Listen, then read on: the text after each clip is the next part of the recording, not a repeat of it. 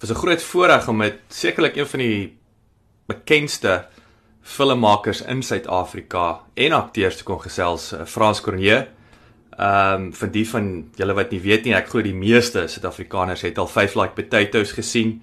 Ongelooflike storie van uh oom Angus. Natuurlik ek dink in terme van internasionaal uh Franse films meer as 4 deur 400 miljoen mense al gesien uh ongelooflike prestasie en uh dit was vir my heerlik om hom te gesels. Um, ek was veral nuuskierig om uit te vind wat gebeur agter die skerms letterlik in terme van die besigheidsmodel. Hoe gaan hierdie ouens te werk? Hoe maak hulle die film? Hoe versprei en hoe verkoop hulle die film? So kom luister 'n bietjie, was 'n lekker lang onderhoud gewees. Ehm um, ek wou hom wou nie dele uitsny nie en ek het weer besluit om hom in twee dele te deel. So hiermee dan deel 1 van my onderhoud met filmprodusent Frans Cronje. En moenie vergeet om volgende week na deel 2 te kom luister nie. Geniet hom.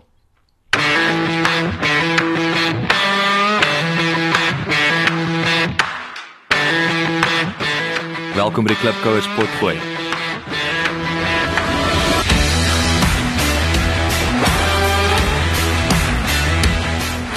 Dink authenticity is my nogal taamlik belangrik in dat die mense moet voel die flieks is reëel. Dit is nie 'n preek nie. Ehm um, dit is ook nie iets wat te ver is om te bereik nie. Dit moet iets wees wat vir ons almal mee kan identifiseer. Klipkouers waar ons elke week met Afrikaner entrepreneurs en impakmakers gesels ten einde die beste praktiese besigheids- en lewensadvies met jou te deel. Jou gasheer en mede-klipkouer, Jacques Basson.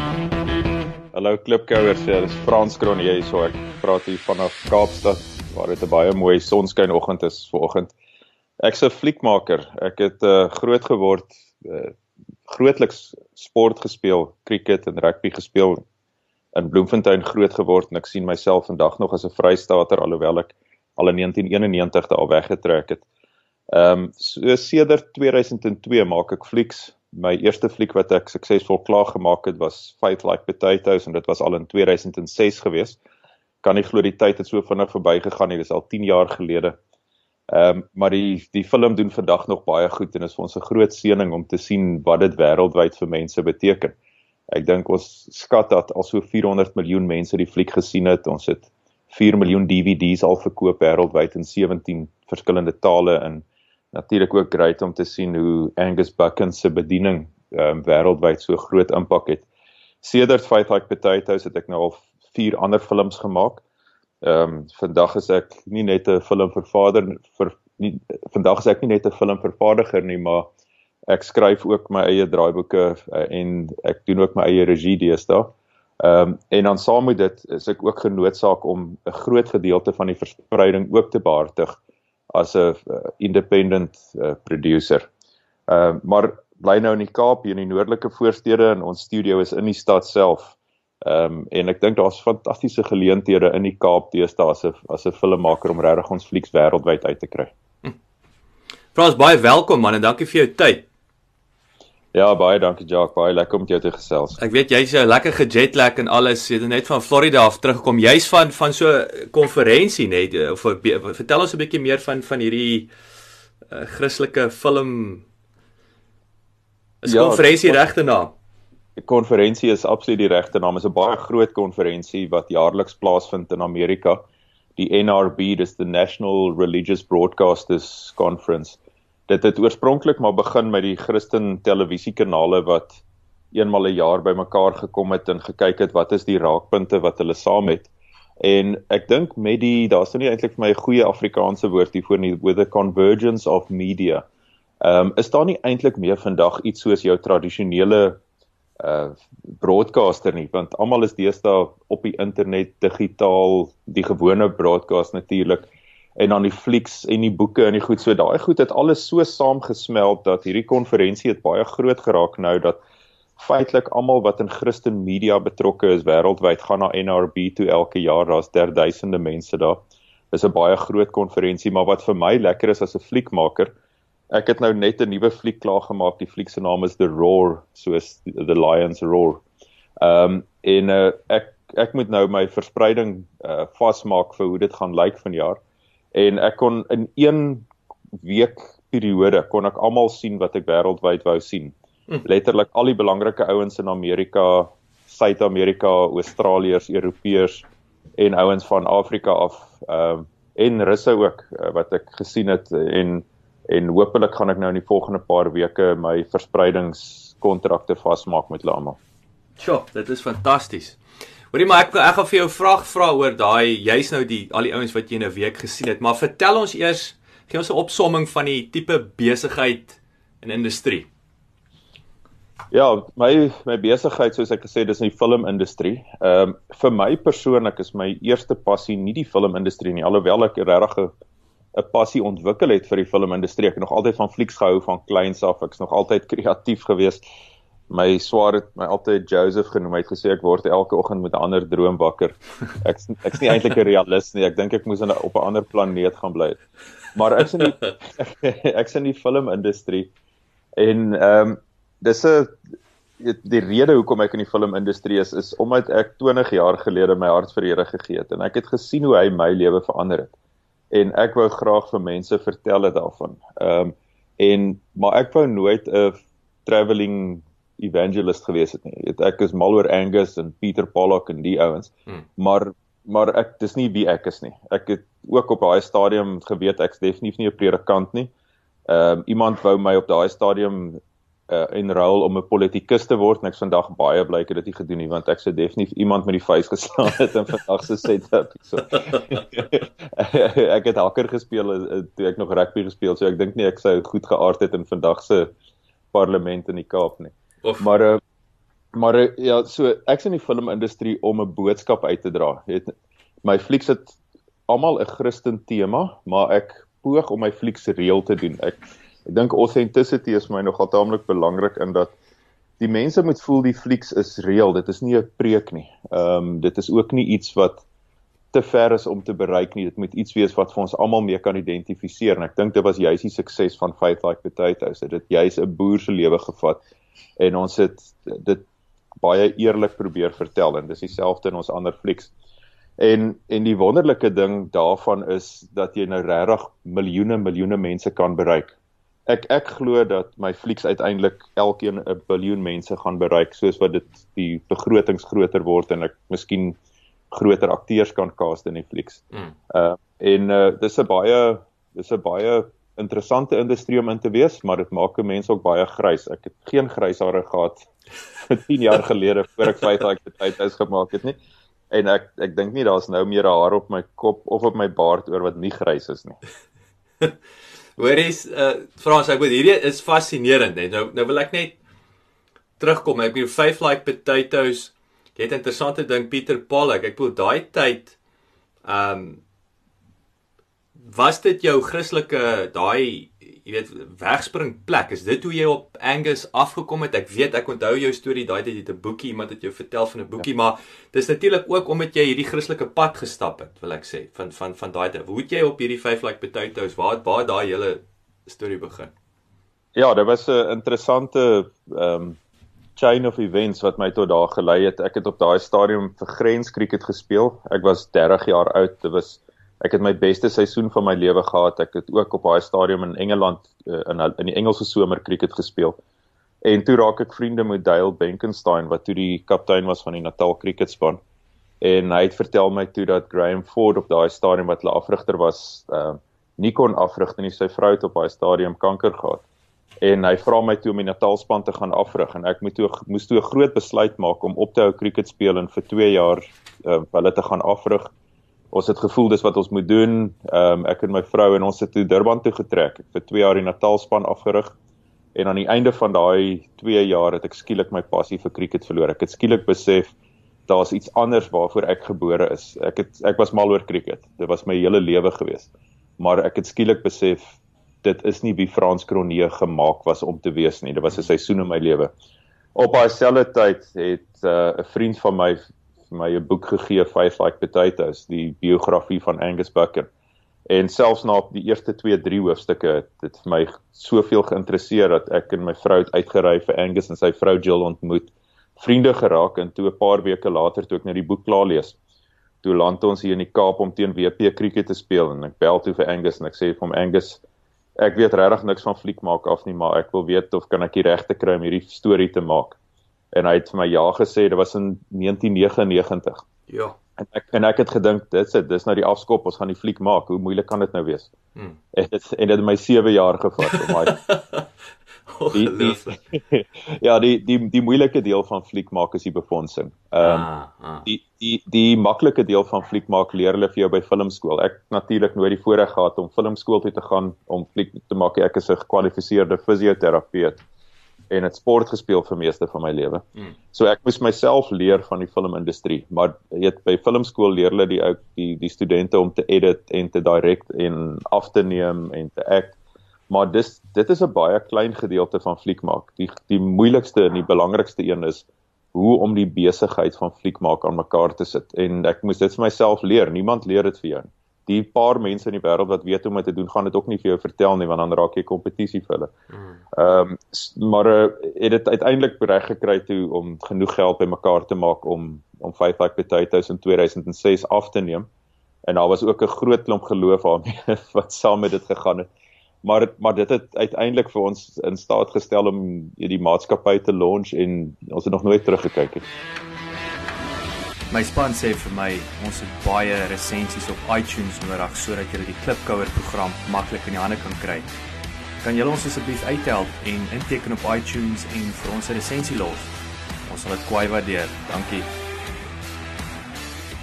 Sê vir my nou, jy het nou praat van die van die befondsing en en so aan.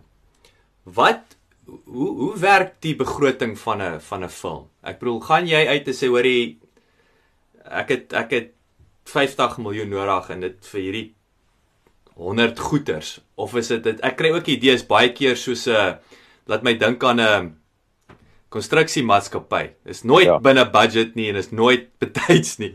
Is dit is is dit 'n akkurate beskrywing van die filmindustrie of nie? Of wil ek half sê as jy hoekom hardloop dit oor? Hoekom is altyd meer as wat jy gedink het? Wat gee ons 'n bietjie meer vleis om ja, om daai hele storie? Ja, jy het nou in een sin het jy het jy iets gesê wat wat wel waar is en in 'n ander deel van die sin nie noodwendig nie.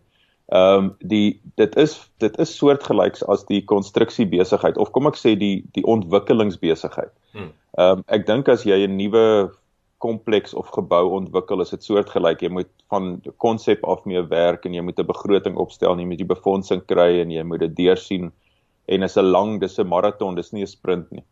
Ehm um, so daai gedeelte is definitief waar en dit daar's baie raakpunte in in hoe jy die ding mee begin.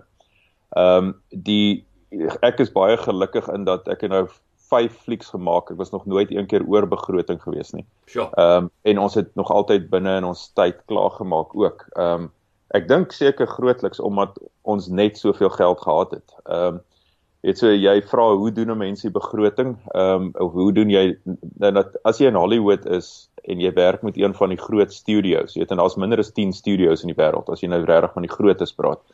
Dan werk dit anders want hulle het 'n tipe van 'n borsmasjien waar volgens hulle werk en hulle het rekenaars wat kan voorspel of die fliek gaan goed doen of nie.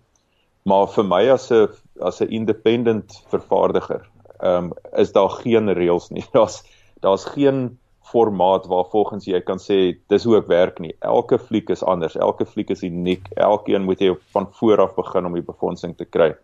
So wat wat ek geleer het in my proses is ek begin as ek nou na die na my konsep kyk, is dit vir my baie belangrik wat ek kies om te maak.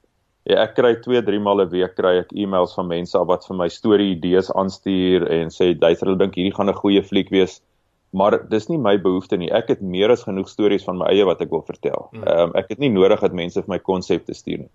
Ehm um, dis die daar's daar's baie stories wat mense kan vertel. Uh so, maar wat vir my belangrik is, ek moet kies watter watter een van my konsepte moet ek nou volgende maak want dit vat my 2 jaar vandat ek begin het om 'n fliek te maak. As ek dadelik die finans, finansies kry, dan sal ten minste 2 jaar wees voordat die fliek klaar is. So dis 'n baie groot um investering van tyd wat in 'n fliek ingaan. So jy moet reg kies en ek kies altyd 'n tema wat wat vir mense 'n beter die wêreld 'n beter plek gaan maak. So ek ek hou van inspirerende flieks maak. Ek sal nie net 'n uh, fliek maak net omdat dit vermaak is nie. Mm. Nou as ek nou klaar my tema het, dan dan het ek drie goed wat moet saamwerk. Die eerste een is ek moet daai storie ontwikkel, so ek moet die draaiboek skryf. Wanneer die draaiboek geskryf is, moet ek uitvind hoe lank gaan dit my vat om af te neem, waar moet ek afneem, watter tipe akteurs en crew gaan ek nodig hê?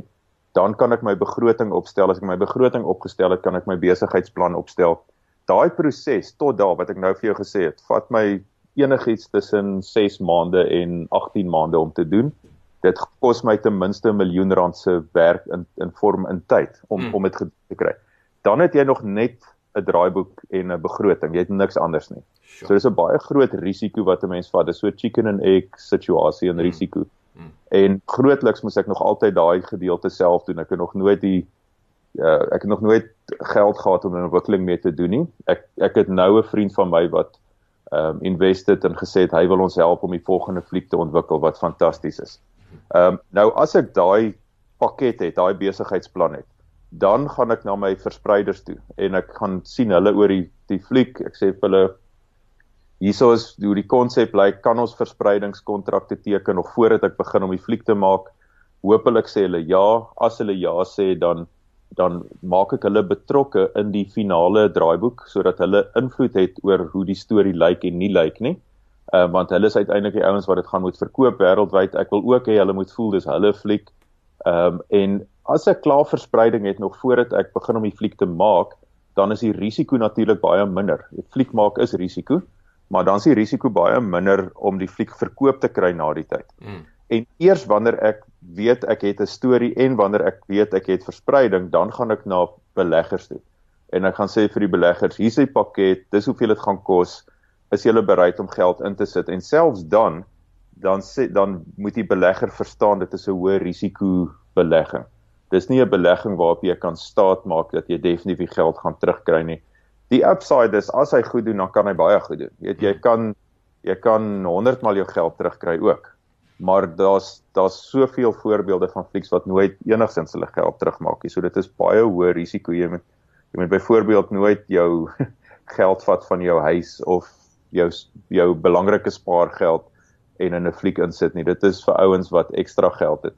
Ehm um, en dan ook natuurlik ouens wat risiko verstaan en ouens wat verstaan hoe die filmindustrie werk is jou ideale profiel om mee saam te werk eerder as mense wat nie die filmindustrie verstaan nie want dis 'n is 'n bitter moeilike industrie om te verstaan as jy as jy niks daarmee betrokke is nie. Nou in terme van die begrotings, jy die regte manier om te begroot is jy jy vat die draaiboek, jy breek hom af en jy kyk hoeveel gaan dit kos. Maar in in my geval baie keer ek doen dit soort van maar ek sit ook vir myself 'n limiet op en sê okay alhoewel ek dit lekker sou gewees het om 20 miljoen rand te gebruik vir die fliek weet ek in my mark gaan hierdie storie eintlik nie meer as 7 miljoen rand kan terugmaak nie. So ek ek hou my begroting op 7 miljoen rand en nou pas ek my draaiboek en my styl aan na daarvolgens sodat ek myself binne in die 7 miljoen rand begroting hou. En om dit reg te kry in plaas van dat ek een persoon se werk doen, doen ek gewoonlik vyf persone se werk en dan ook die ouens wat saam met my werk moet 'n bietjie multitask om dit reg te kry. Ek hoop dit maak 'n stuk sin vir jou dit doen, dit doen. So ek, om vinnig nou by daai laaste punt aan te sluit. Ek wil ek ek neem maar tegnologie maak dit ook nou makliker om daai ja, rade ja. van 5 mense se werk te doen. Ja, absoluut. Ek uh, bedoel toe toe ons Five Like Potatoes afgeneem het in 2006 was ons die eerste fliek in Suid-Afrika wat digitaal afgeneem is en teater toe gegaan het. Ehm um, op daai stadium was dit nog die gewone 35 mm film gewees wat 'n baie duur en tydsame proses is. Hmm. Ehm um, en dit het Regard van der Berg daai fliekse regie vir ons gedoen en hy kon nie glo hoe maklik hoeveel makliker die proses was digitaal nie. Ehm um, en dit het die kostes ongelooflik afgebring. Weet waar jy voorheen post-production fasiliteite moes hier teen miljoene miljoene rande kon ons elkeen van ons flieks nog op 'n gewone uh, MacBook of op 'n gewone Mac doen ehm um, die MacBooks word baie keer so bietjie bietjie stadig en klein so jy het eintlik net maar die groter Macs nodig maar jy kan by die huis sit en edit. Ehm um, en nou nog doen ons dit nie nie omdat ons wil geld spaar nie maar omdat dit net dit dis moontlik jy kan dit doen en dit is dis dis actually soveel makliker as jy in die stilte van jou huis die eerste gedeelte van die editing kan doen as wanneer jy dit in 'n kantoor opset doen. Hmm. Jy jy het uh, ek wil terugkom na die na die distribusie toe. Jy het genoem dat jy jy vat daai draaiboek na daai verspreiders toe. So hulle hierdie ouens is bereid om om om daai om 'n kontrak te teken op grond van 'n storie op papier of of het jy tipe van 'n sekere uh, ek wil half sê scenes wat wat geskied is, het jy 'n tipe van 'n loods 'n uh, program of of of of of 'n scene of 'n ding of is dit alles net op papier? Ja, toe jy twee goed daarvan sê, ek het nou nou die ideale prentjie geskets. Ek het dit al soort van reg gekry, maar meestal het ek dit nog nie heeltemal reg gekry presies soos wat ek dit vir jou verduidelik nie. Ehm um, maar dit is hoe dit gedoen moet word glo ek. Ehm um, ek het dit al reg gekry op papier. Ehm um, nie met my eerste twee flieks nie want hulle die mense wou nog gehad het ek moet myself bewys. Maar nou na omdat hierdie nou al my 5de film is, was dit nou al baie makliker geweest om dit nou reg te kry. Ehm um, ek sal dit nog steeds op groter skaal reg kry. Soos byvoorbeeld ons het nou 'n nuwe draaiboek begin skryf vir 'n film wat in die 4de eeu afspeel na Christus. Dit het gladiators in Uh daar gaan baie gevegte wees, baie visual effects, ehm uh, groot groot scenes. Um, ons wil dit alles in die Kaap afneem asof dit Rome is. So dit gaan baie geld kos. Ek dink nie die fliek sal minder as 20 miljoen dollar kos om te maak nie want um, ons wil ook groot naam akteurs in die in die fliek hê. Ehm um, so om om dit reg te kry ehm um, gaan ek dit nie ek ek dink nie ek sal uh, op groot skaal beleggers en verspreiders inkry net gebaseer op my draaiboek nie. So ons is van plan ook om 'n paar konsep ehm um, scenes te doen. Nou dis baie moeilik om 'n konsep scene te doen want dit is maar duur. Jy weet as jy as jy 'n scene wil doen en jy wil dit sê net maar vir Sony Pictures wys met met wie een van die studios is met wie ek gesels, dan moet hy goed genoeg wees om te lyk asof hy 'n gewone fliek kan inpas. Mm. En om dit te doen, moet jy 'n volle crew hê, jy moet akteurs hê, jy moet jy weet so jy gaan jy gaan 10 teen 1 'n paar miljoen rand se werk moet insit in daai 3 4 minute in om dit goed genoeg te laat lyk. Maar nou het ek nie daai paar miljoen rand nie, so nou moet jy 'n klomp gunste weer vra. So daar's daar's 'n groot klomp ehm um, samespreking, samewerking, alles om uiteindelik met so 'n konsep te kom en natuurlik as jy dan nou ouens kan ooreed om hulle tyd in te sit in daai paar minute en dan moet wanneer jy nou die geld kry vir die fliek dan moet jy daarom vir hulle die waarborg gee dat hulle dan op die fliek sal kan werk. Um, om om dit as dit uiteindelik afkom. So dit klink weer vir my daai is vir my meer kompleks, hoër risiko, maar natuurlik jy weet daai potensiële uh, befondsing wat jy gaan kry is dan jy weet baie groter. Maar uh, ja, abs ja. Absoluut. Weet so dit in my industrie is dit baie keer hoe groter begroting fliek jy het, hoe minder risiko is dit. Ehm um, weet soos die fliek wat ons nou net klaar gemaak het is so omtrent 'n half miljoen dollar begroting wat baie klein is. Uh, as jy nou kyk in Amerika, het selfs hulle klein Christen flieks is deesdae so 2-3 miljoen dollar flieks.